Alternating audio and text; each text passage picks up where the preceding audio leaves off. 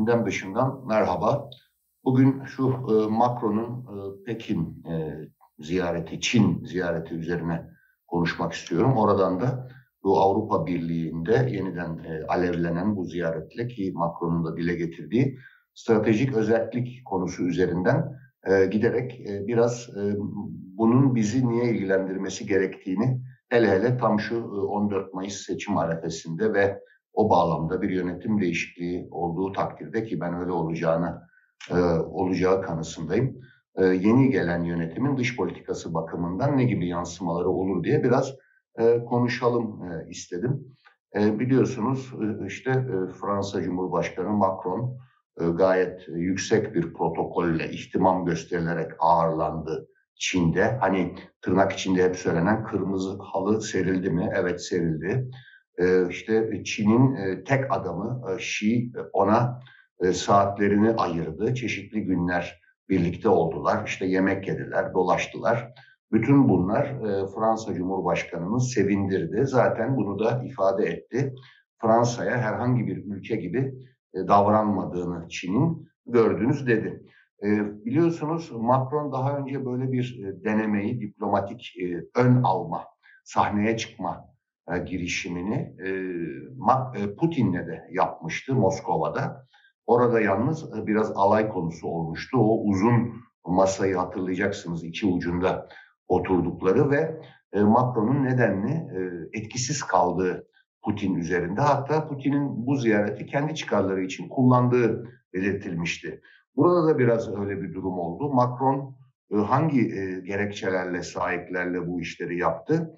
Evet, zaten yapılan pek çok anlaşma var ama bu büyük anlaşmalar işte başta Airbus olmak üzere e, dişin kovuğuna gider mi? Ha bize göre tabii hem biz derken Türkiye'ye göre ülke olarak ve e, sıradan insanlar olarak bizlere göre tabii çok büyük sözleşmeler, ticari sözleşmeler bunlar ama bu sözleşmeler zaten o şirketler, ilgili şirketler tarafından sonuçlandırılmıştı. Hmm.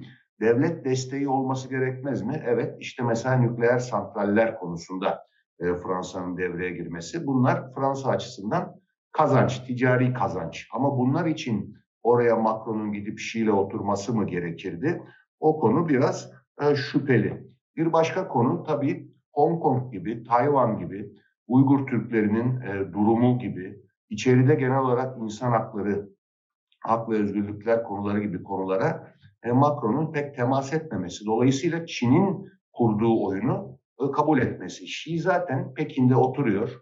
Daha önce Scholz da ona koşa koşa gitmişti ki NATO'da tam e, Çin'in de adı ortak stratejide geçmeye başlamışken Scholz da gidip aynı yatırım konusunda bir şeyler yapmıştı. İspanya Başbakanı Sanchez gitti. Şimdi Brezilya'nın e, yeni seçilen başkanı e, tekrar seçildi tabii bu ikinci turu oluyor. Hapisten çıktı biliyorsunuz. Lula da e, gidiyor. Hatta o daha da önemli çünkü bu BRICS denilen hani Brezilya, Rusya, Hindistan, Çin e, ve Güney Afrika'dan oluşan grubun kendi arasında hani Çin parasıyla yuanla ticaret yapması bu bakımdan rezerv e, para birimi olarak acaba e, Çin'in e, ABD dolarının etkisini kırmak mı istediği gibi konular var. Ama şöyle oldu, e, oradan ayrılır ayrılmaz Macron hemen Çin devasa bir askeri harekat başlattı Harekatın amacı zaten açıklandı. Uygulanması haritaya bakılınca da görülüyor. Tayvan adasının işte eski adıyla Formosa ya da aradaki hani, Boğaz içinde öyle denebilir. Ee, bunun et, adanın etrafını sarmak, e, işte 23 milyonluk nüfusun etrafını sararak orada önceden belirlenmiş hedeflere yönelik atış tatbikatı yapmak. Yani yeri geldiğinde zaten bu açıklandı. Harekatın sonunda Dışişleri Bakanı tarafından Çin'in bizzat eğer herhangi biri aklına getirecek olursa bağımsızlığı bu şekilde işte buna son verileceğine mevcut statükonun da ifade edildi. Çin tabii zamana oynuyor. Zamanın ondan yana olduğunu düşünüyor ve bir şekilde Tayvan'ı yutacağını söylüyor. Şimdi burada da e, işte oradan dönüşte Macron Lahey'de sahneye çıktı e, Hollanda'da. Ve buralarda da işte e, Avrupa'nın, Fransa'nın zaten ama Avrupa'nın da e, ABD'nin peşinden gitmek zorunda olmadığını bu konularda ve gerginliği yükseltmenin Avrupa'nın da Fransa'nın da işine gelmeyeceğini söyledi. Orası öyle ama hatırlayalım şimdi bir an geri dönelim. Ukrayna konusunda Rusya yönelik olan Almanya'nın işte ticareti arttırarak ta Willy Brandt'ın Ostpolitiğinden başlayarak bugünlere gelen e, işte Rusya'nın e, ucuz doğal gazını e, Alman sanayisine bağlayan boru hatları Kuzey Akım 1, 2. O arada buna benzer bir şekilde yine arada patlayan bir Wirecard skandalı var. Onu da belki meraklı olanlar hatırlayacaktır. Bunun da bir aslında Rus gizli servisi operasyonu olduğu, o işin başındaki Marshal Ek'in Rusya'ya kaçtığı hatırlandı, hatırlanabilir. Kuzey akım konusunda yine Matyas Warnik var. Eski Stasi ajanı Dresden'den Putin'in arkadaşı. O bu kuzey akımın içinde. İşte e, şansölyelikten ayrıldıktan daha 20 gün olmadan e, bu Gazprom'da üst düzey görev alan Schröder örneğini ve Schröder'in Ukrayna işgali başladıktan sonra da o görevi bırakmamak için ne kadar uğraştığını anımsayacaksınız. Şimdi burada da acaba Fransa Çin'e yönelik olarak Çin-Tayvan düşünüldüğünde Rusya-Ukrayna koşutluğu üzerinden böyle bir hataya mı bile isteye düşüyor? Aynı film ikinci kere mi seyrediliyor denilebilir. Bazıları da bunu AUKUS diye hatırlarsanız Avustralya, e, işte Birleşik Krallık, İngiltere ve ABD arasında kurulan üçlü pakta e, hatırlatarak ve orada Fransa'nın Avustralya ile tam e, işte denizaltı sözleşmesi yapmışken bunun ABD'nin nükleer denizaltılarına çevrilmesi ve burada yediği kazığın acısını çıkartması olarak da yorumladı. Başkaları da yine e, ABD Başkanı Biden'ın bu IRA denilen yani Inflation Reduction Act, e, Türkçeleştirmeye gayret edersem enflasyon azaltma ya da enflasyon düşürme yasası denilebilir. Bu kapsamda e, yatırım çekmelik hamleleriyle e, al, bırakın hani Avrupa'ya yatırıma niyetlenmiş Tesla gibi ABD firmalarını Avrupa'nın önde gelen büyük firmalarının dönüp ABD'ye bu teşviklerden yararlanmak için yatırım yapması, bunun da Avrupa Birliği'nin ekonomisi üzerinde zorlayıcı etki yapması e, gündeme getirildi. Ancak ha bir de şunu ekleyelim, buna Konsey Başkanı Avrupa Birliği'nin e, Charles Michel de dahil oldu bu sohbete diyelim. E, ve o da evet Macron'un de düşündüğü gibi düşünen çok kişi, çok ülke var ABD e, ABD'nin bir stratejik özelliğe sahip olması çıkarınadır dedi. Ama Avrupa Birliği bu konuda tek parça mı? Değil. Özellikle Polonya'nın e, öncülüğünü yaptığı diyelim, önderliğini yaptığı da denilebilir. Daha Baltık e, tarafı, İskandinav tarafı da aslında Avrupa Avrupa Birliği'nin özellikle savunma konusunda çünkü onların cephesi tabii doğrudan Rusya'ya bakıyor eski Doğu bloku ülkeleri de aşağıya doğru gidersek de aynı görüşteler e, bu konuda e, NATO'yu öne çıkarıyorlar ve ABD ile olan savunma e, işbirliğinin bozulmaması gerektiğini vurguluyorlar.